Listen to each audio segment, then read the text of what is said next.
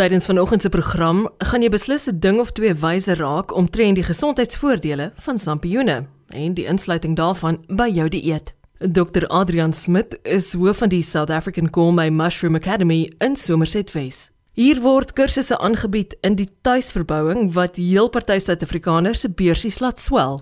Volgens hom moet mens egter waaksaam wees om nie sekere foute in die proses te begaan nie.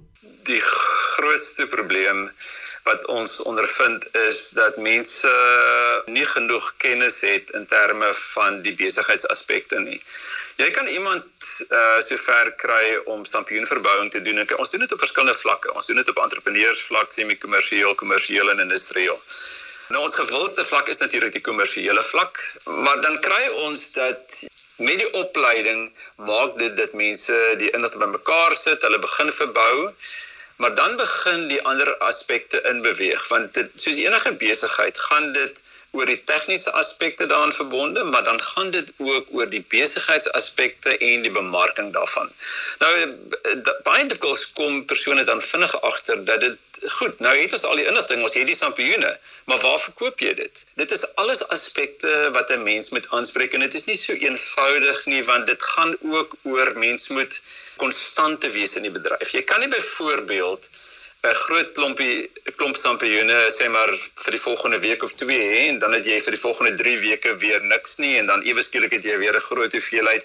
So daai basiese beginsels dat as 'n mens wil inskakel by groot byvoorbeeld winkelgroepe as jy sou lewer aan hulle dat 'n mens moet besef dat daar konstantheid moet wees. So konstantheid is een van ons grootste probleme en dat die persone eintlik soos wat hulle in beweeg in hierdie bedryf, dat hulle moet verstaan dat soos enige ander besigheid is dit baie belangrik dat 'n mens moet gaan kyk na jou bemarkingsaspekte en dit moet net soveel aandag kry en jou besigheidsaspekte as wat 'n mens se fokus op die verbouing van die sampioene self. Eroes, ek wil baie graag hierdie storie met jou deel. Ons het uh, in in ja, so ek dink dit is omtrent 3 jaar gelede het ons opleiding gedoen in Johannesburg. En ons het 'n uh, meisie daar gehad wat sy het 'n graad gedoen basies in die finansiële rigting. Uh, maar sy kon nie werk kry nie. Ek dink dit soos met baie jong mense, is hulle baie dikwels, hulle is intelligent, hulle gaan deur al die prosesse om goeie opleiding ensovoorts te kry en dan raak dit baie keer dat hulle op 'n punt kom en sê maar nou moet ek self, jy weet, alles in eie hande neem. En uh, so sy is in die Limpopo area. Omdat sy 'n goeie finansiële agtergrond het, het sy nie net ook gekyk na Sampione nie, sy het ook begin met ander aspekte. Sy het 'n besigheid gestig wat onder andere sampioenverbouing insluit, maar ek bedoel sy het ook al produkte wat uh ander produkte wat niks met die sampioenbedryf het nie wat al klaar in die in die spaargroep in die winkels is ensovoorts. Sy het letterlik ongeveer 2 maande terug het een van die departemente wat fondse beskikbaar gestel het vir ontwikkeling en werkskepping het 'n gebou vir haar met uh, jy weet samewerking van ons het ons 'n eh, gebou planne is opgestel dit is vir haar gebou. Ek dink daar is altyd befondsing beskikbaar dit het bly probleme in Suid-Afrika waar waar ons sê dat ja, goed, jy kan sê opleiding, maar ek bedoel mense het mense het geld nodig om 'n bedryf in plek te kry. Daar is regtig fondse beskikbaar vir mense wat die moeite doen om te gaan kyk en te voldoen aan al die komponente wat daar gestel word om om fasiliteite vir jou daar te stel. En uh, dit is een van die ek ek dink van van die stories wat net wys dat mense moet soms 'n bietjie diversifiseer. Ons dit het sy vandag 1 afgedoen. Ons het na alle moontlikhede gaan kyk en nie net net af fokus op een nie en uh, ek is baie bly dat sy die Sampioen produksie eenheid ingetrek het daarmee saam. Ek dink jy kan iemand wat regtig potensiaal het, is baie moeilik om so 'n persoon te onderdruk en en dit dink ek is die mooi ding in hierdie hele Sampioen bedryf. Ons kan baie gou agterkom as ons opleiding met mense doen of 'n persoon suksesvol gaan wees of nie. Jy kry daai gevoel van ek kan 'n ding maak werk. En dit maak nie saak in watter beroep jy is nie. Ek bedoel dit is uh, as jy daardie gevoel het maar niks gaan my keer nie. Ek dink dit is eintlik maar basies jou vertrekpunt is dat 'n mens moet sê jy sien die einddoel, dis waar ek gaan kom Ek mag dit miskien onderskat in terme van die tydstuur om daarbey uit te kom, maar dit is een van die van die aspekte wat ek eenvoudig net moet op fokus. Ons het natuurlik verskeie ander stories. Ons het 'n uh, um, ek dink ons uh, almal is bewus van hierdie braai kompetisies wat hulle het op sekere van die televisiestasies ensovoorts. So jy, jy weet, een van die Suid-Afrikaanse Braai Masters het 'n maatskappy in Johannesburg gestig voordat hy bekend geraak het, die Borman broers van Miracle Mushrooms en hulle kweek oestersampioene in Johannesburg, Corneille en ehm um, Reino Borman. So daar is dat ek kan soveel aspekte noem daarvan van van interessante stories. So ja, dit is weer 'n geval van iemand wat 'n passie het, want daardie persoon het ook nie net in die sampioen bedryf iets kon tot stand bring wat uh, van waarde is en wat in winkelgroepe lewer nie, maar ook merk gemaak in ander aspekte wat van belang is wat in die voedselbedryf is. Kan ek sampioene by my huis kweek? Ja, dit is natuurlik kan 'n mens dit doen, maar dan sal ons inbeweeg meer in terme van ons sê dis 'n stokperdjie vlak. So in, in baie gevalle sal ons kry dat mense soos van 'n toetsfase miskien sou begin doen dat jy dit in 'n gebou doen En natuurlik is dit heel moontlik. Dis natuurlik wettig ook want ek bedoel daar is geen diere reste by betrokke nie. So mense ons kry dit mense sampioene binne in stede in industriële areas verbou. So daar is daar's niks wat jou verhoed om dit te kan doen nie. Maar die omvang daarvan gaan natuurlik bepaal of 'n mens gaan dit uitbeweeg na areas waar jy meer semi-strukture nodig het om om dit makliker te maak. En natuurlik mense moet ook 'n gedagte hou vir die verspreidingsnetwerk. Nou ons kry baie dikwels dat die meeste van ons kommersiële verbouers is glad nie jy weet direk in die stede nie. So hulle is baie keer tot ek wou sê tussen 2 uur se vervoertyd buite een van die hoofstede. Wat hulle beweeg meer na die goedkoper areas waar dit makliker is om dit te doen en dan word die vervoer net eenvoudig gereël en dit word by die hoofstede uitgebring. So mense hoef nie altyd direk naby jou mark te wees nie. Ek dink dis baie standaard. Meeste boere is, is bekend met daardie konsep dat dit daar vervoer betrokke moet wees. Is histories oor giftige sampioene waar Adrian? Ja, kyk, die natuurlik eers moet ek 'n gerusstelling gee want ek bedoel in die, in die sampioen vir verbouingsproses werk ons natuurlik net met die eetbare sampioene. Maar ja, natuurlik as jy in 'n woud sou ingaan en jy gaan nou net sampioene versamel, dan ehm um, moet die mens natuurlik verstaan dat jy gaan met 'n paar giftige soorte te doen kan kry as jy nie weet wat jy kies nie.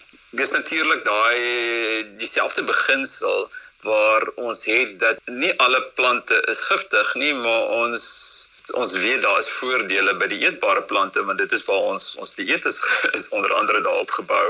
Net so moet 'n mens verstaan dat mens moet nie skrik vir die giftiges nie, maar ek sal definitief nie aanraai dat mense in 'n woud ingaan sonder kennis nie. Daar is natuurlik allerlei groepe wat 'n mens as 'n mens sou belangstel net om sampioene, wilde sampioene te gaan versamel dat 'n mens kan die kennis kry om die ehm um, letterlik die regte basiese beginsels te leer sodat 'n mens nie foute maak om van die dodelike giftige sampioene te versamel nie. En nou die dodelike giftiges kan ek omtrent op my een hand tel, maar dit is soos ek sê dit is in in die omgewing ook by ons en mens moet verstaan met wat jy werk. Maar in die verbouingsproses is is daar absoluut geen kans dat 'n mens betrokke gaan of te doen gaan kry met 'n sampioen wat giftig is nie. Ek het al voorheen in my lewe die strate van Amsterdam bewandel, so ek moet jou hierdie vraag vra. Wat is die sogenaamde dwelmsampioene? Dit is natuurlik niks anders as 'n gourmet sampioen met medisinale eienskappe nie. Nou dit is heidaglik nog steeds in Suid-Afrika verbode om daardie sampioen spesies te verbou. Nou ons weet dat daar is natuurlik baie wetenskaplike inligting beskikbaar dat dit definitief van waarde is. Mense gebruik dit onder andere om sogenaamde ek ek dink nie ek verstaan ek is weet wat die Afrikaanse term daarvoor is nie, maar daar's iets soos 'n cluster headache waar mense eintlik op 'n punt kom wat hulle sê hulle kan eintlik nie daarmee saamlewe nie dat jy vir dae in 'n donker vertrek sit en so aan en daar is baie duidelike bewys dat as van hierdie spesies gebruik word dat dit tot 'n groot mate verligting bring vir mense wat byvoorbeeld van hierdie uh, ekstreme hoofpynne kry En uh ja, so dit ek voorsien soos wat wetgewing besig is om te verander. Ons het klaar state in Amerika waar dit goedgekeur is sodat hulle dit vir mense kan gebruik wat terminaal uh, siek is om dit makliker vir jou te maak. So ek voorsien dat dit in die jare wat kom wettig sal raak in Suid-Afrika om ook die sogenaamde hallusinogeniese sampioene te verbou want daar is natuurlik baie medisinale aspekte. Nou Ons het gevalle gehad al in Suid-Afrika waar mense gearresteer was as gevolg van die verbouing daarvan. Ek sal dit nie aanraai op hierdie stadium nie.